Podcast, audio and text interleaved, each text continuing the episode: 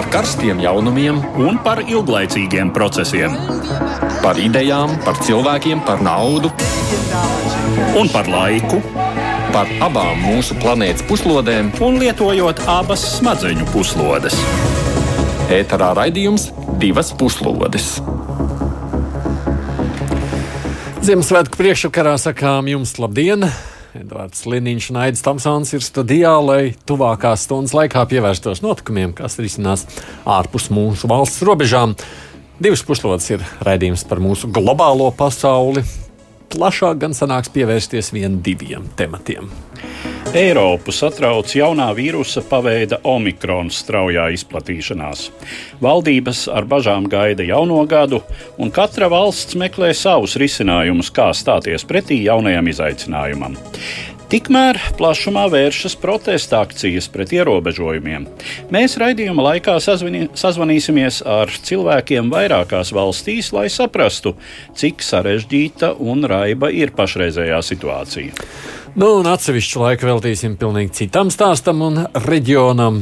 Etiopijā nerimst asiņainais pilsoņu karš, un cīņa tur ir nežēlīgi visās frontēs, gan militārajā, arī informatīvajā kas tur īsti notiek, kāda ir realitāte valstī.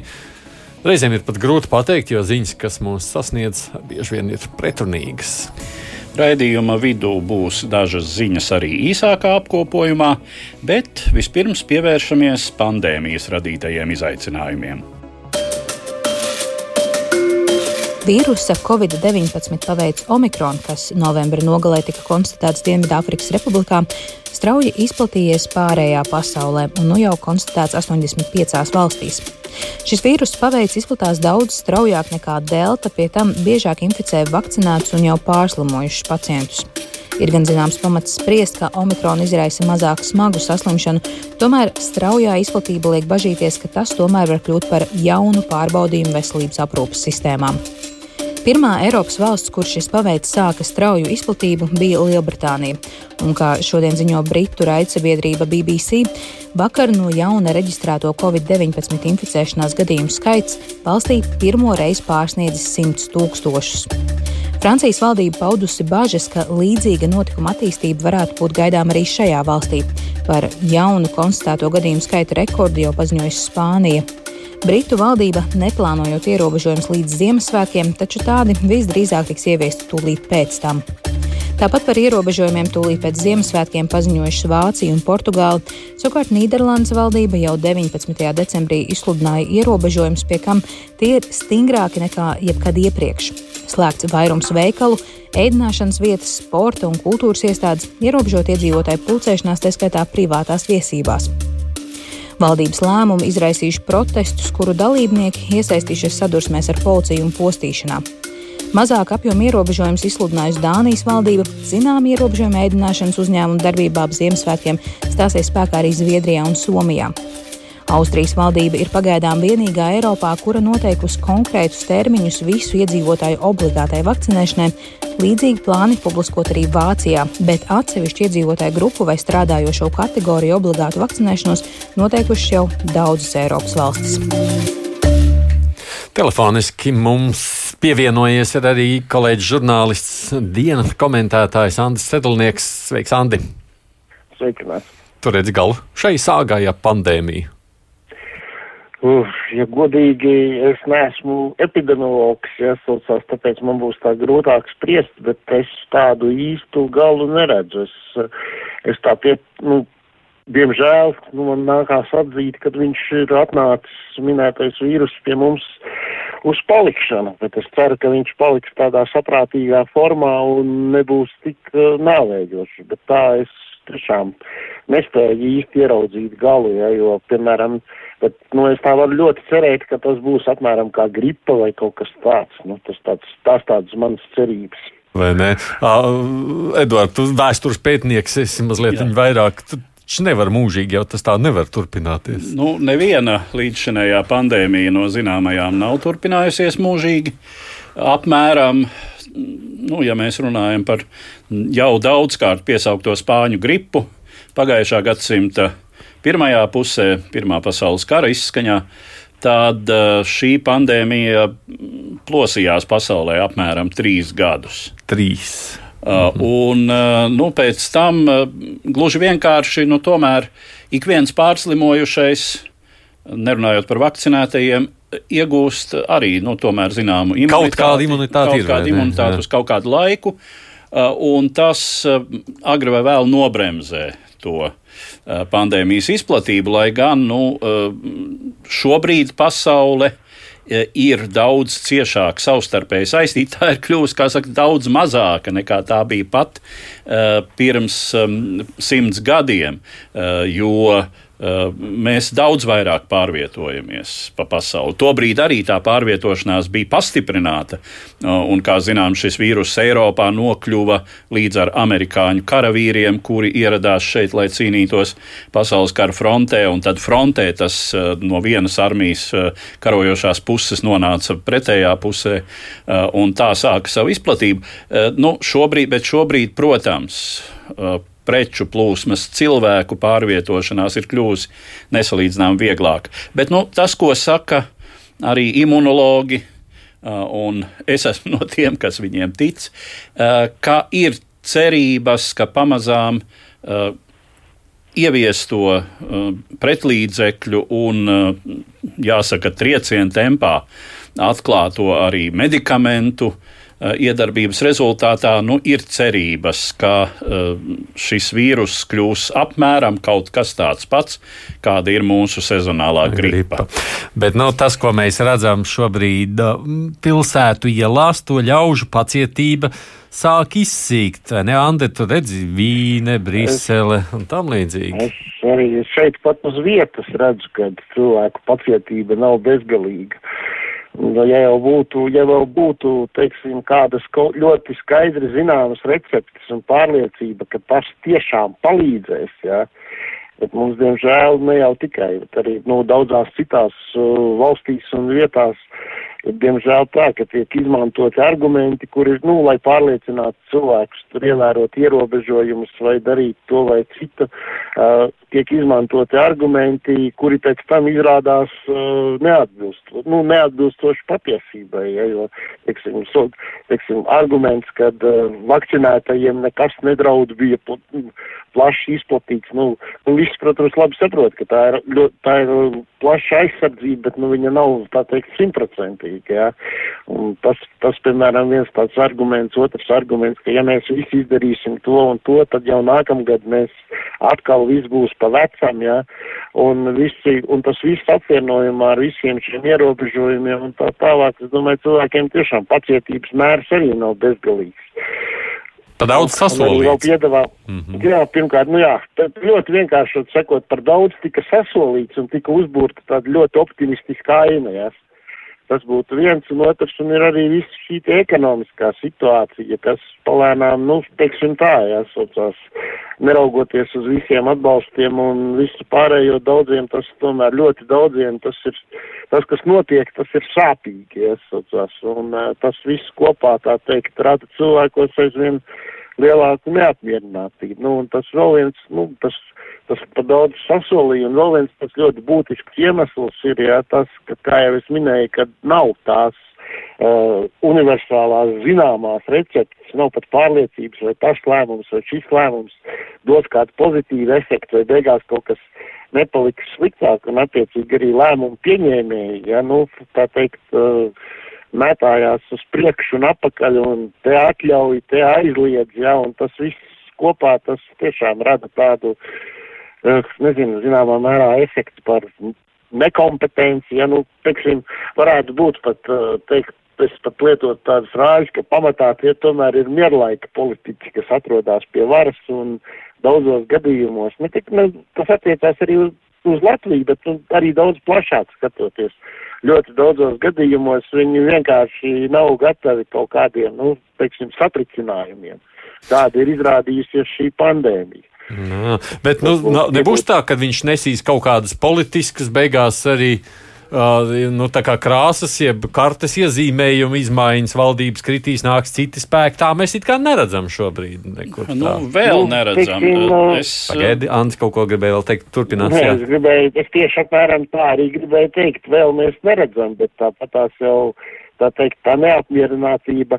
Mums jau tā šeit jau ir, piemēram, konkrēti Eiropā rietumvalstīs, ja tā neapmierinātība ar šiem te tā saucamajiem sistēmiskajiem politiķiem, ja, kuri ilgstoši ir uh, gadu desmitiem, ja tur mainījušies pie varas, ja, viņa jau tāpatās ir gana liela nobriedus, ja, un šis te vienkārši viņa izpaudās, teiksim, tur atbalstot uh, tos, ko mēs saucam par populistiem, lai gan nu, tas daudzos gadījumos nebūtu gluži korekts apzīmējums, ja, dažādās anti-imigrantu kustībās un ko, un vienkārši tā rūkšana, ja, es domāju, ka principā jau atrodas cilvēki, kas uh, politiķi, ja, kas tā teikt, spēja noformēties atbilstīgi tam jaunajam neapmierinātības uh, nu, vai sašutuma vai uh, kā lai to nosauc vilnim, ja, un kad mēs tos rezultātus redzēsim, mēs viņus redzēsim pakāpeniski, zin, jaunās tur vēlēšanās,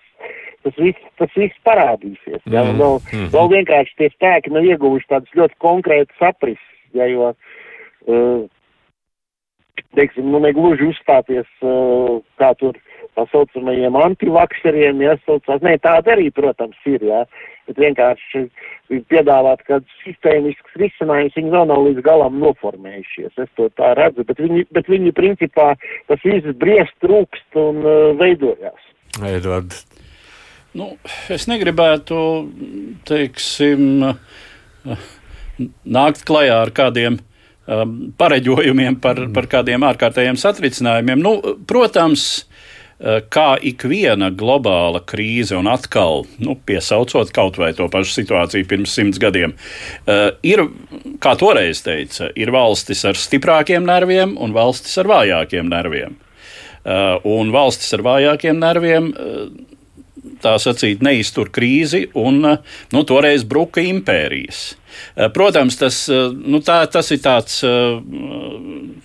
tēls, ne, kas, kas ir absolūti neizsmeļ visu šo situāciju. Bet, nu, jāsaka, droši vien, ka mēs zonā, kas esam tā postpadomju telpa, telpa šim puskādreizējam dzelzs priekškaram, mēs esam politiski mazāk nobriedušas, uh, vieglāk traumējamas sabiedrības, mums risks ir lielāks, es domāju, uh, nekā tas ir uh, vecajās tās augtajās Rietumē Eiropas demokrātijās. Nu, teiksim, interesants gadījums ir Vācija. Nu, mēs nu pat redzējām Vācijas vēlēšanas.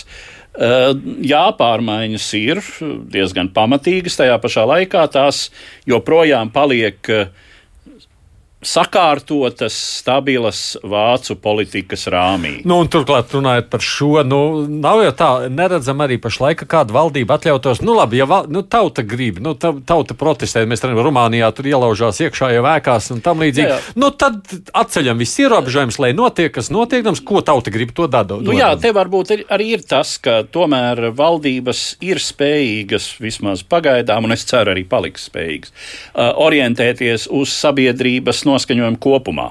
Nu, mēs, piemēram, eh, tādā ziņā varam paskatīties, un tas būs interesanti. Es ceru, ka eh, vēsturnieki, nu vispirms sociologi, politologi, vēlāk arī vēsturnieki eh, aprakstīs Latvijas gadījumu kas, manuprāt, ir diezgan spilgts šai ziņā, ka, teiksim, līdz kaut kādam brīdim mūsu valdība tiešām bija tendēta vairāk dzirdēt tās skaļās um, protestētāju, uh, klaigātāju, uh, noliedzēju vai ne, vakcīnu skeptiķu balsis, līdz kaut kādam momentam, kad balsi uh, pamanāmi pacēla arī tā sabiedrības daļa, kas ir apzinīga, kas vakcinējas, bet kas sagaida no valdības nu, arī savu interesu Jā, aizstāvību. aizstāvību. Jā.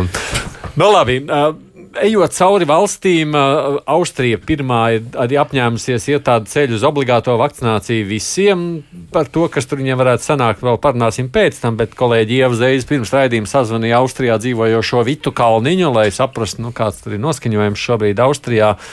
Jo nu, tā izņemot ziņu par to obligāto vakcinēšanos, visādi citādi jau tā situācija ir diezgan līdzīga Latvijai. Paklausāmies sarunu ar Kalniņas kundzi. Nu, šobrīd ir tā, ka Austrija tikko ir izgājusi ārā no tā saucamās mājasēdes, kas mums ilga līdz 12. decembrim patiesībā. Ierobežojumi bija tādi, ka tā veikali bija ciet, bija vaļā tikai pārtiks veikali un aptiekas un nu, higienas preču veikali. Un veikali strādāja līdz septiņiem un ilgāk vairs nē, tad drīkstēja iet uz vai nu uz darbu, bet principā bija jābūt mājās. Uh, skolu neaiztaisīja, ciet bērni gāja uz skolu, viņi tiek trīsreiz nedēļā testēti, viņiem ir jānes šie te PCR testi, neatkarīgi no tā, vai tu esi uh, potējies vai nē, jo šobrīd skatījos taisni ziņās, ka pie, vairāk kā 50% no jauniešiem virs 12 gadiem Austrijā ir saņēmuši šo te vakcīnu. Uh, jā, pret, pret vīrusu. Tad, uh, un tad attaisīja visu vaļā. Šobrīd mums viss strādā. Mēs varam iet arī uz, uz operu, un uz teātriem un uz muzejiem. Visur ir prasība 2G, kas mums skaitās. Vai nu tu esi uh, izslimojis, vai nu tu esi uh, saņēmis savu vakcīnu. Un, plus visur ir jānēsā FFP2 maskas. Un, protams, visur pārbauda tavus dokumentus, ja tev ir biļeti iegādāta uz, uz kaut kurien, visur ir jābūt tavam vārdam, uzvārdam. Tā ir tieši tāpat kā Latvijā, principā. Uh, Un pārējie, un mums bija tā, ka Austrijā parasti svētdienās veikali ir cieti, tad šogad izņēmuma kārtā bija, ka mēs, mēs smejamies asiņainā sestdien un svētdien, tad bija svētdien 19. decembrī visi veikali bija vaļā, kas priekš Austrijas ir netipiski, bet, nu, lai cilvēki spētu iegādāties Ziemassvētku dāvanas un, un, un, un nokārtot savas lietas, kādas ir nepieciešamas. Un tas bija ar domu vairāk par to, ka cilvēkiem līdz 12. decembrim viss bija ciet, tad, tad atvēra vaļā un sanāca šī, šī pēdējā nedēļas nogali, kad viņi varēja iegādāties uh, nu, kaut ko, dāvanas vai, vai, vai, vai zābakus vai jakas, vienalga, kas nu ir nepieciešams cilvēkiem pirms, pirms svētkiem, jo tūlīt jau svētki sākās atkal, viss ir ciet. Bet par tādu pulcēšanos un ierobežošanu es nevarēšu īsti pateikt, jo man šķiet, ka šobrīd ne, nav nekādas tādas ierobežojumi, ka tur nevarētu pulcēties, piemēram, mājās pie kāda. Vai, bet viņi rītā valdībā pielems, ko viņi darīs saistībā ar omi, om, omikron, om, omikron paveidu un uh, klīst tādas runas, ka uh, nedrīkstēs pulcēties vairāk kā desmit cilvēki.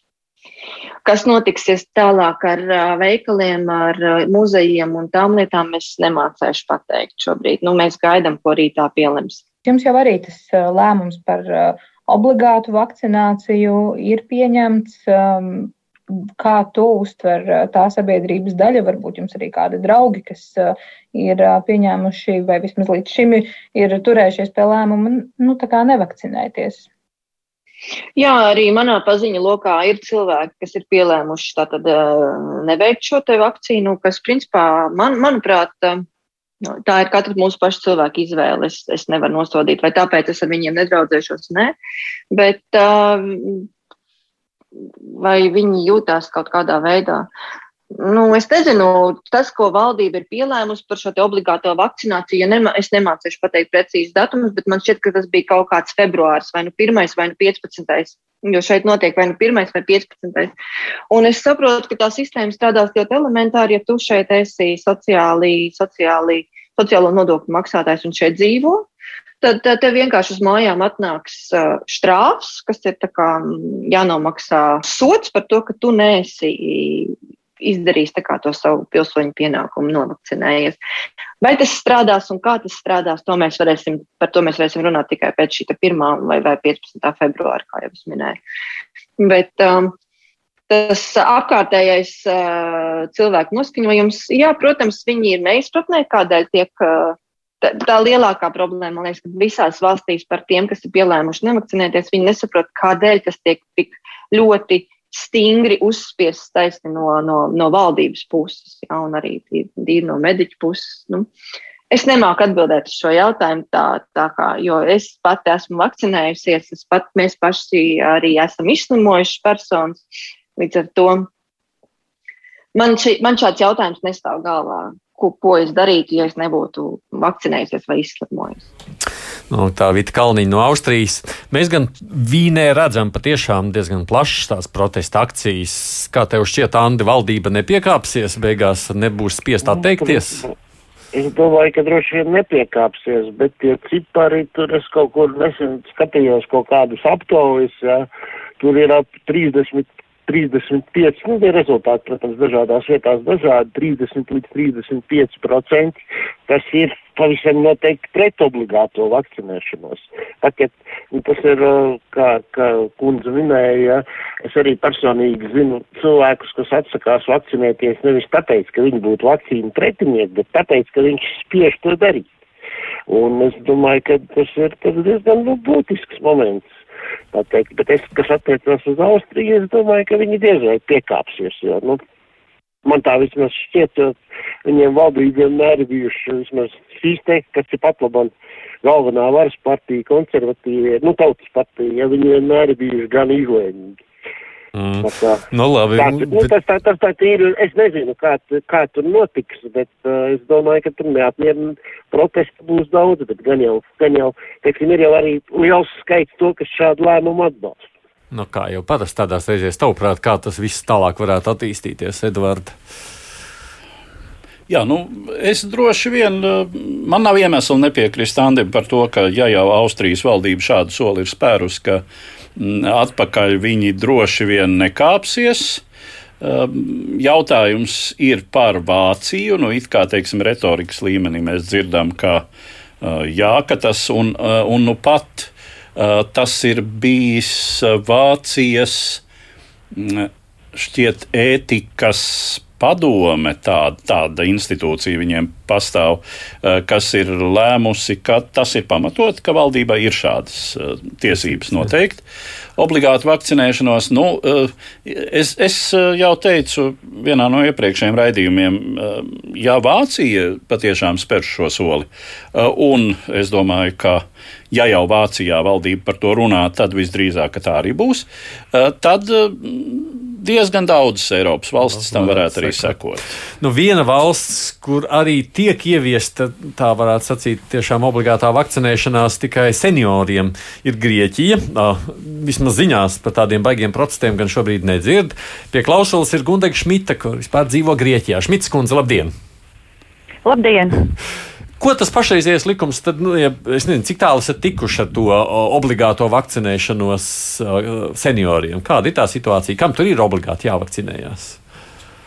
Jā, nu būtībā tas ir valdības lēmums, kas tika uh, pieņemts, neatcerēšos tagad datumu, bet uh, uh, novembra uh, pirmajā pusē, uh, ka būtībā sākot ar uh, janvāra um, 15. datumu uh, visiem senioriem, nu būtībā pat ne tikai senioriem, bet visiem virs 60 gadu vecuma, uh, būs obligātā vakcinācija, un, protams, to cilvēku jau neliks cietumā, ja viņš neies vakcinēties vai to ar varu nedarīs, bet viņam būs jāmaksā sots uh, eh, 100 eiro vērtībā mēnesī.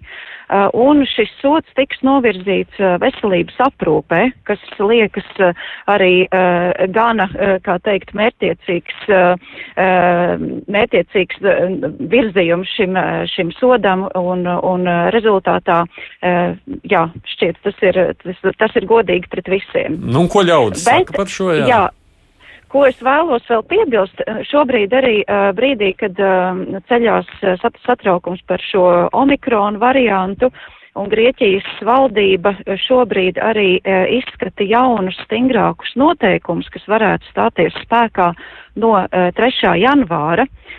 Kaut kas līdzīgs mūsu lockdownam, kas bija Latvijā Eh, no uh, oktobra beigām. Mm, mm. Uh, tur jau parādās tāds punkts arī, kas tiek šobrīd izskatīts, ka pat no 50 gadu vecuma varētu arī piespriest šo obligāto vakcinēšanos un sodu gadījumā, ja šis cilvēks tomēr nevakcinējās. Mm, mm, mm. Nu, un ko cilvēks saka par šo, ko tauta saka? Nu, kopumā man ir jāsaka tā, ka uh, dzīvojot Grieķijā, tagad jau jāteic deviņus gadus, esmu pieradusi um, ļoti um, nu, tā spēcīgi dzirdēt šo tautas balsi, un, un Grieķus nav divreiz jāmudina uh, protestēt pret uh, kaut ko, un, un šie mītiņi, protesti, demonstrācijas notiek um, par nu, lielākiem un mazākiem iemesliem regulāri. Jā. Uh, un jā, es esmu runājusi ar cilvēkiem, kuri arī ir nu, piederīgi šai antivakcinācijas kustībai, bet, bet jāteic, ka tik ļoti spēcīgi, kā es varētu no Grieķijas to sagaidīt, šādu te uh, demonstrācijas mītiņus pret, pret šiem likumiem, es neesmu, ja godīgi, tā kā, nu, vismaz pamanījusi, vai, vai ka tas būtu kaut kā ļoti uzkrītoši manāms, un, um, nu jā, un tas būtībā pat attiecās arī pret šiem stingrajiem ierobežojumiem, ka arī šie ierobežojumi tiek arī uh, ievēroti ar lielāku respektu, nu, piemēram, sabiedriskajā transportā, ko es arī regulāri lietoju, tomēr cilvēki ir uh, noseguši gan degunu, gan muti un ir runā pa telefonu, tad tas arī notiek šādā veidā, un, un tomēr šie, um, šie valdības lēmumi tiek tomēr respektēti kopumā vairāk, man liekas, nekā Latvijā. Nu, kas izklausās, ka tur tādā ziņā laikam tā spēja noticēt šīs slimības bīstamībai ir lielāka nekā pie mums. Jā. Jā, nu katrā ziņā šāds, eh, šāds uh, sauklis, piemēram, pandēmija neeksistē.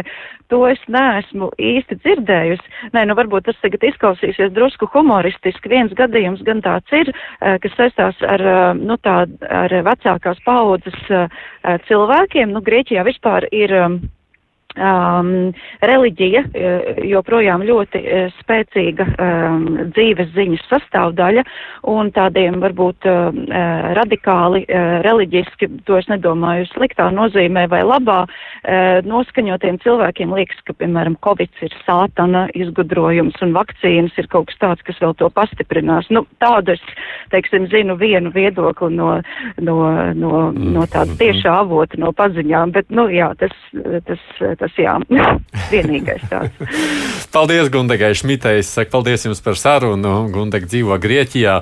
Klausoties šo sarunu, kā tev šķiet, Andi, kāpēc tad Grieķi ir izrādījušies tādi, nezinu, apzinīgāki? Nu, nu, es konkrēti par Grieķiem man būs grūtāk spriest. Es pieļauju domu, ka uh, principā vispār uh, infekcijas slimībām piemīt tāda īpašība stipri izplatīties siltās zemēs tieši, ja, so, tā, mm. klimats ir silt, nu, teiksim, siltāks klimats, tas kaut kā, es, es nezinu, kā tas ir, tas, protams, neatiecās uz visām slimībām, bet tāda tendence ir, es pieļauju domu, ka viņiem varētu būt kāda vēsturiska pieredze vai ko. Man drīzāk patīk, šajā gadījumā tā doma, es pat nezinu, tas ir sots vai papildus nodoklis vai kā, jā. Jā, 100 eiro mēnesī. Kā, mm -hmm. Jā, ka tas kaut kādā veidā, ja tas varētu būt tāds pat gluži vai, manuprāt, apspriešanas vērts risinājums, jā, jo, ja cilvēki negrib uh, vakcinēties un šādi, teiksim, uh, kurš varbūt, nu, teiksim, kādu saprātīgāku iemeslu dēļ, kurš kādu, nu, es pat nezinu, kā lai to nosauc, jā, es arī reliģisku iemeslu dēļ. Teoriju, vai, jā. jā, reliģisku, jā, vai vēl kaut kādu, bet, bet ir arī tādas teorijas, ka tur klausies un tev matu ceļās stāvus, jā. Tā teikt, nu, tad varbūt tiešām ir tāds kāds ne īsti sots, ne īsti nodoklis, tas varētu būt tāds relatīvi prātīgs risinājums. Ja, ja, ne, ja nepateiksim, ja vakcinācija neuzskata par kā kaut ko nu, ja, ja, ja nenosaka obligātu vakcināciju, tad, ja tu nevēlies to darīt, tad tas tomēr nozīmē, ka tu radi kaut kādas problēmas sistēmai kopumā, un, un tad varbūt esi tik laipns un tā teikt, nu, nosēc to savu izvēli vai kā. Nu, es domāju, jā, ka tas varētu būt tāds dušprātīgs risinājums. Nu, tā kā, Edvard, mēs to nosaukt par obligāto apdrošināšanu veselības. Tieši tā, ne? tieši tā. Obligātā.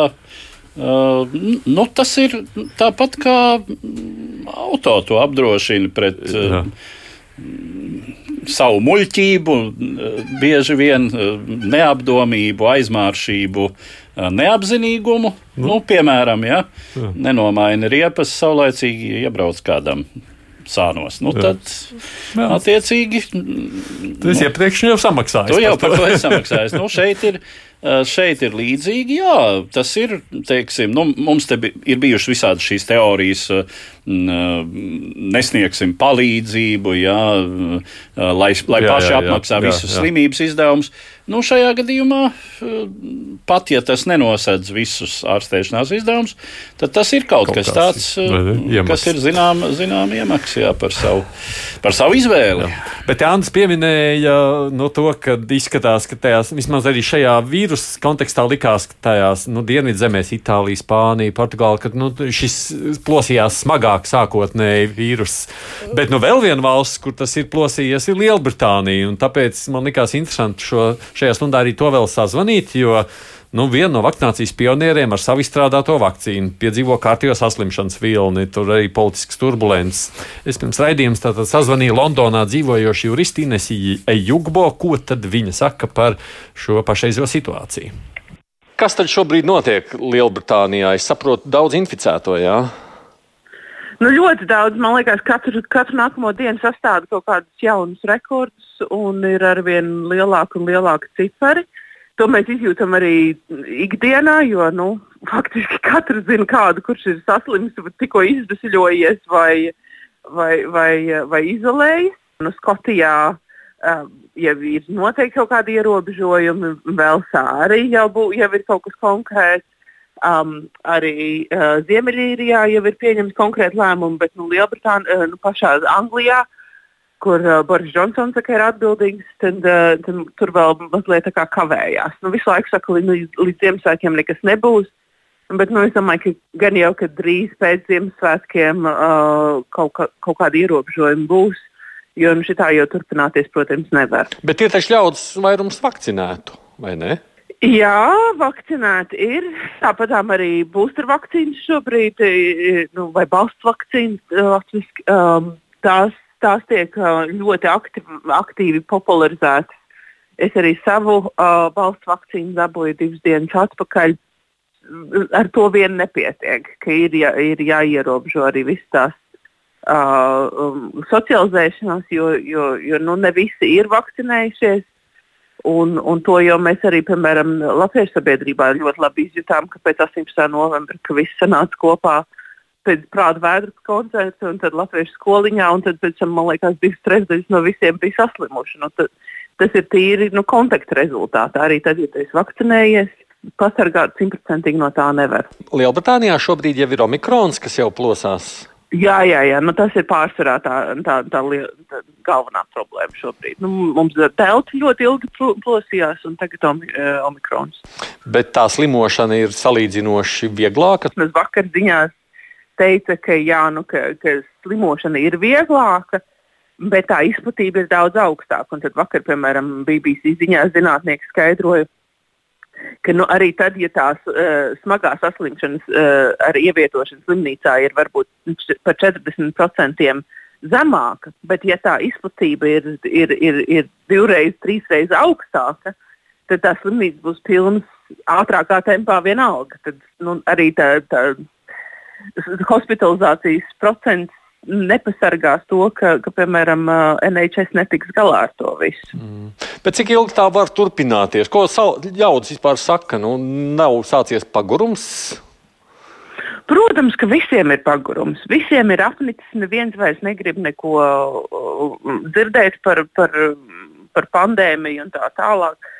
Tāpat ir arī pagurums par to, ka nu, labi, visiem vajadzēs vakcinēties. Tās divas balsts vakcīnas, tagad trešā, tagad, cik vēl būs jā, jāvakcinējās. Ja tas viss nebeidzās, protams, cilvēki ir jāatcerās, nu jā, spāņu gripai vajadzēja vismaz piecus gadus, lai tiktu galā ar to visu. Bet ko tu īsti izdarīsi ar to, to, to pandēmiju? Viņi jau pats tā teikt nepaklausīsies stāstos, ka viņi, viņi ir visiem apnikuši un aizies projām. Nu, tā jau nenotika. Mēs, piemēram, nekur nesocializējamies, nekur neejam, lai to Ziemassvētkus ar, ar, ar tuvējiem varētu nosvinēt kopā. Nu, man, man tīri personiski, es saku, man ir pilnīgi ok turpināt strādāt no mājām un tā tālāk. Galvenais, lai skola paliek vaļā, lai bērni iet uz skolu, lai vecākiem nav tā milzīgā slodze, ka, ka būtu vienlaikus jāstrādā un jāmāca bērni un tā tālāk. Tas, tas ir pat traki. Vispārējo var, var izturēt galvenais, lai skolas mm. turpina būt vaļā bērniem. Un tā Inesē Jugbo no Londonas, pabeidzot šo pandēmijas stāstu, dodoties tālāk, ko, Edvard, ko mēs sagaidām nākamajā gadā, tavuprāt, to pašu, ko šogad? Nu, atkal tu uzdod jautājumus, kurus būtu jāuzdod uh, tiešām epidēmijā. Nu, arī viņam nezinu, laikam, vai neatbild. Um, nu, jā, prognozēt. Bet politiskā ziņā?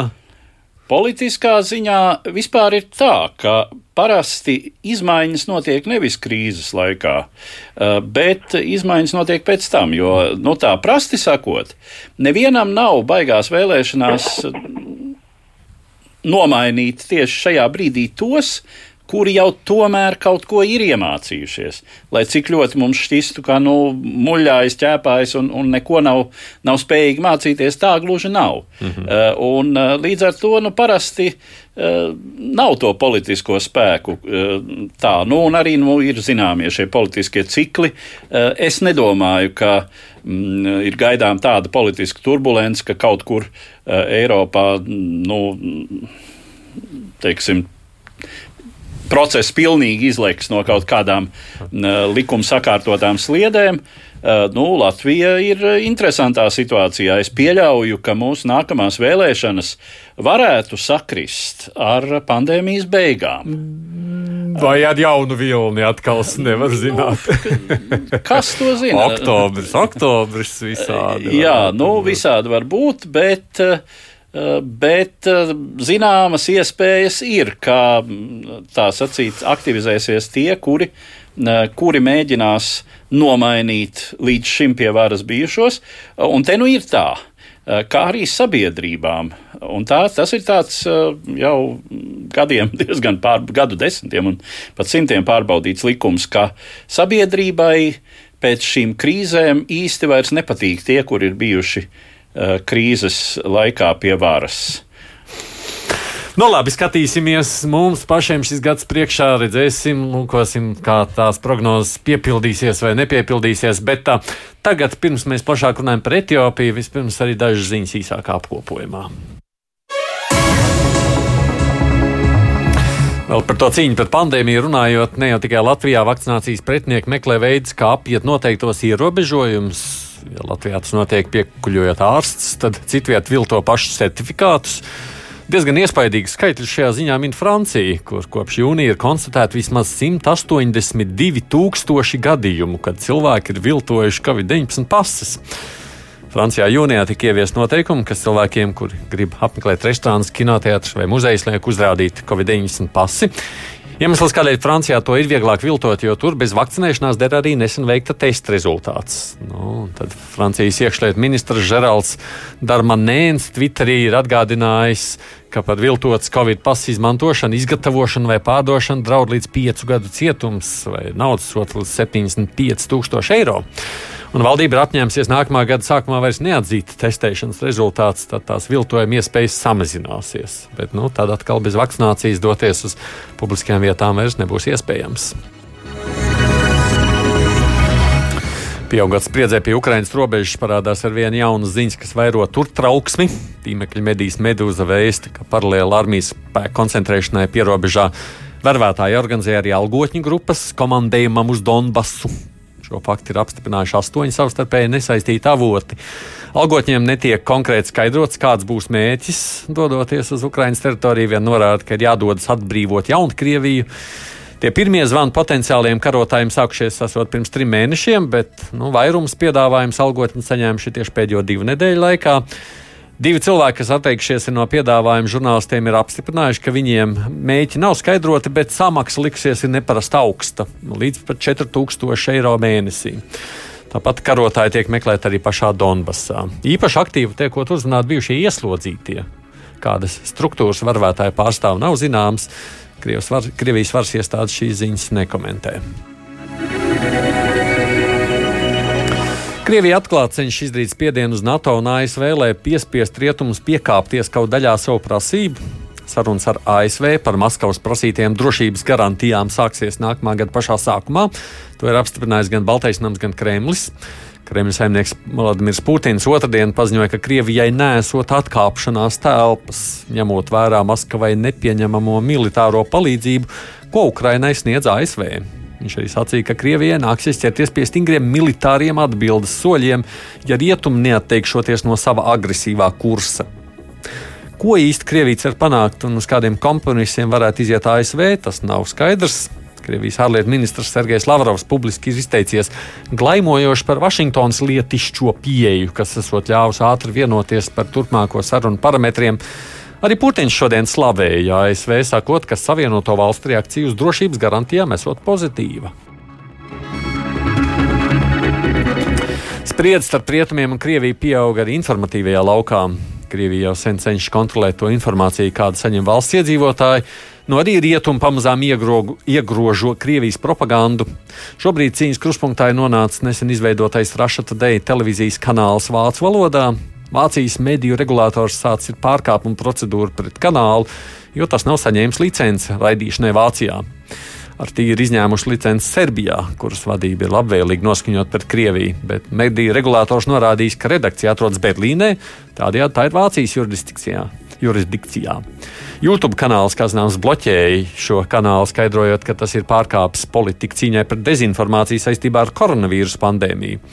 Savukārt šonadēļ kanāla retranslāciju pārtrauc arī satelīta programmu nodrošinātājs Eutelsat. Līdz ar to kanāls vairs nav redzams 33 valstīs, kur to varēja redzēt. Krievijas ārlietu ministrija paziņoja, ka šāda nedraudzīga rīcība nepaliks bez sekām. Kādas tās būs, tas gan šobrīd nav zināms. Nu, un vēl Krievijas oligarks Romans Abramovičs ir saņēmis šogad Portugāles pilsonību un ir kļuvis par bagātāko šīs Rietumē Eiropas valsts pilsoni. Tā vēsta Portugāles izdevums Publiko. Pilsonības iegūšanas process ilgs ir pusotra gada un noslēdzies šī gada aprīlī. Kā norāda publikā žurnālists, tad viņš personīgi redzējis dokumentus par Abramoviča naturalizāciju. Abramovičs kļuva par Portugāles pilsoni šī gada sākumā, pateicoties Portugāles likumam par atgriešanos, kas ļauj sefardu ebreju un konverso ebreju pēctečiem saņemt Portugāles pilsonību. Tā Krievijas izdevumam RBK skaidroja avots Abramoviča tuvākajā lokā. Un tā kā Abramovičs bagātības slēdz 14 miljārdu eiro apmērā, viņš nu ir kļuvis par bagātāko Portugāles pilsoni. Iepriekš viņš dzīvoja Lielbritānijā. Tādā 18. gadā, radoties problēmām ar britu vīzu pagarināšanu, pārcēlās uz Televīvu, Izrēlā. Arī tur viņš bija saņēmis Izraēlas pasi, atbilstoši šīs valsts likumam par atgriešanos. Nu, tādas dažas citas ziņas bija īsākā apkopojumā, bet tagad par ziņām no Etiopijas. Klausāmies vispirms ierakstu. Tā sauktais Tigrais karš ir iekšējs konflikts, kas kopš pagājušā gada novembra risinās Etiopijā. Pirms 30 gadiem, kad valstī tika gāzta marksistiskā hunta, izšķiroša loma šais notikumos bija Tigrejas tautas atbrīvošanās frontē. Attiecīgi, turpmākajās desmitgadēs šai organizācijai bija ļoti liela ietekme Etiopijas politikā, kas izraisīja citu valsts etnisko grupu neapmierinātību. 2018. gadā par premjerministru ievēlētais Abijs Ahmets īstenoja izmaiņas politiskajā ainavā, izveidojot jaunu politisko spēku Labklājības partiju. Arī šī partija organizēta uz etniski reģionāliem pamatiem, tomēr ir orientēta uz konsolidētāku politikas modeli, vienotas etiopiešu nacionālās identitātes un pilsoniskas sabiedrības veidošanu. Tigrais tautas atbrīvošanas fronts līderi, saredzot šais pārmaiņās savas ietekmes mazināšanos, atteicās iekļauties jaunveidojumā spēkā un sāka īstenot no centrālās valdības faktiski neatkarīgu politiku Tigrais reģionā. Pretstāvēja pāraugot bruņotā konfliktā, valdības spēki izvērsa iebrukumu Tigrejā, taču saskārušos ar sekmīgu Tigrejas aizsardzības spēku pretestību, līdz šī gada jūlijam bija spiesti pamest provinces teritoriju. Nākamajos mēnešos Tigrais aizsardzības spēki izvērsa uzbrukumu kaimiņos esošās Amharas un Afaras reģionos, novembra sākumā nonākot 190 km attālumā no galvaspilsētas Adisabebas. Premjerministrs Ahmets izsludināja ārkārtas stāvokli un personīgi uzņēmās pretuzbrukuma vadību, kas izrādījās sekmīgs. 20. decembrī Tigrais spēki atstāja pēdējās teritorijas ārpus provinces robežām un pauda gatavību uzsākt pamiera sarunas. Taču pagaidām šķiet, ka centrālā valdība nav noskaņota šādām sarunām. Visa bruņotā konflikta laikā no kara darbības zonas pienākušas ziņas par daudziem abu pušu veiktiem noziegumiem - civiliedzīvotāju masu slepkavībām, izvarošanām, spīdzināšanām, etnisko tīrīšanu, civilo objektu bombardēšanu un apšaudēm ar artilēriju. Tiek lēsts, ka konflikta laikā dzīvību zaudējuši vismaz desmit tūkstoši civiliedzīvotāji, taču Tigrais puse min pat piecreiz lielāku skaitli. Vēl lielāks var izrādīties bada un slimību upuru skaits, jo pārtikas, medikamentu un citu preču piegāde konflikta reģionam ir ierobežota. Tiek ziņots, ka apmēram 5 miljoni cilvēku šobrīd izjūt pārtikas trūkumu. Apmēram 350 tūkstoši no viņiem cieši badu. Ir ziņas, ka Etiopijas valdības spēku pusē Tigrejā darbojušās arī kaimiņu valsts Eritrejas armijas vienības. Savukārt Tigrejas tautas atbrīvošanās fronte novembrī vienojusies ar deviņām citām pretošanās grupām dažādos Etiopijas reģionos, izveidojot pret centrālo valdību vērsto Etiopijas federālistu un konfederālistu spēku apvienoto fronti. Divas puslodes! Un kādien studijā esam mēs ar Eduardu Liniņu, pie klausulas kolēģis Anna Sedlnieks.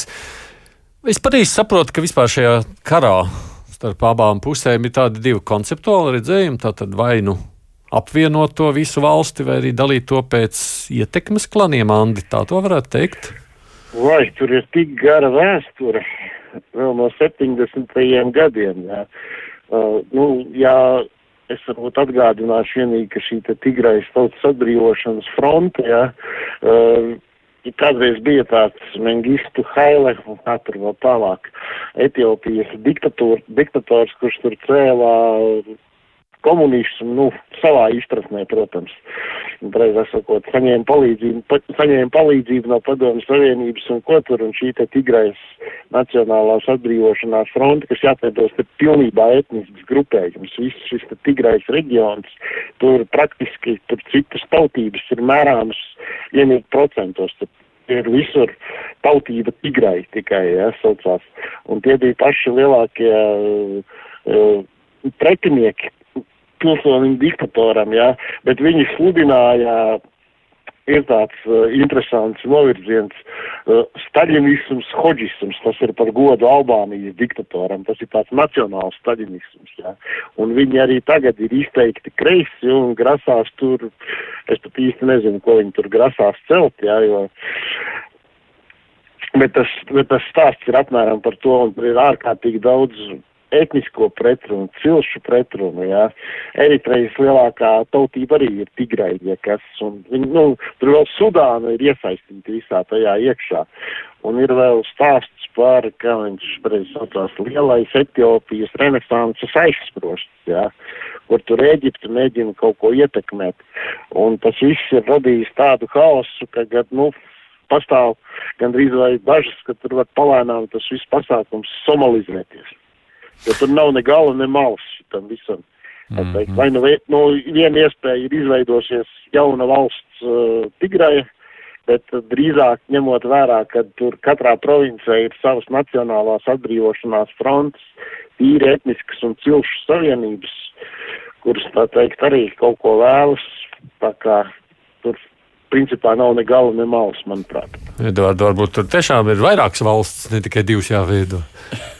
Eh, nu, ir neviena valsts, uz kuru tā var paskatīties un, mm. un teikt, ka jā, tur ir iekšējās pretrunas un mm, tur ir etniskās grupas, reliģiskās un tā tālāk. Un, nu, tad, Nu, dalā, kas, dalām, kas nu vienkāršāk, ja? jā. ņemam un sadalām, starp citu, Etiopijas konstitūcija, kas tika pieņemta uh, 1995. gadā, eh, pēc tam, kad šī marksistiskā Mengistu Hailes, Hailes Marijama Uh, vadītā diktatūra tika gāsta, uh, tad šī konstitūcija paredz, ka jebkurai Etiopijas šķiet, ka tā ir formulēta kā tautība.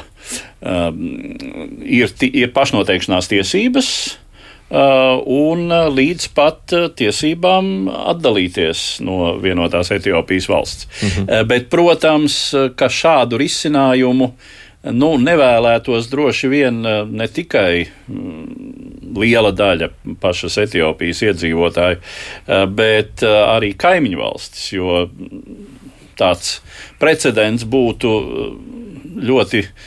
Teiksim, nu, viss vis šis, vis šis reģions, Āfrikas ekvatoriālā daļa, sastāv no valstīm, kur robežas arī ir vilktas nu, teiksim, vēsturisku reizēm, ja ne gluži nejaušību, tad kaut kāda apstākļu sakritība rezultātā. Un, jā, jāsaka, tā vēsture, Andris teica, līdz 70. gadiem, 20. gadsimtā, bet taisnību sakot, tā vēsture, vēsture drīzāk ir jau skatāma kopš 19. gadsimta 70. gadiem, kad vispār tāda Etiopija.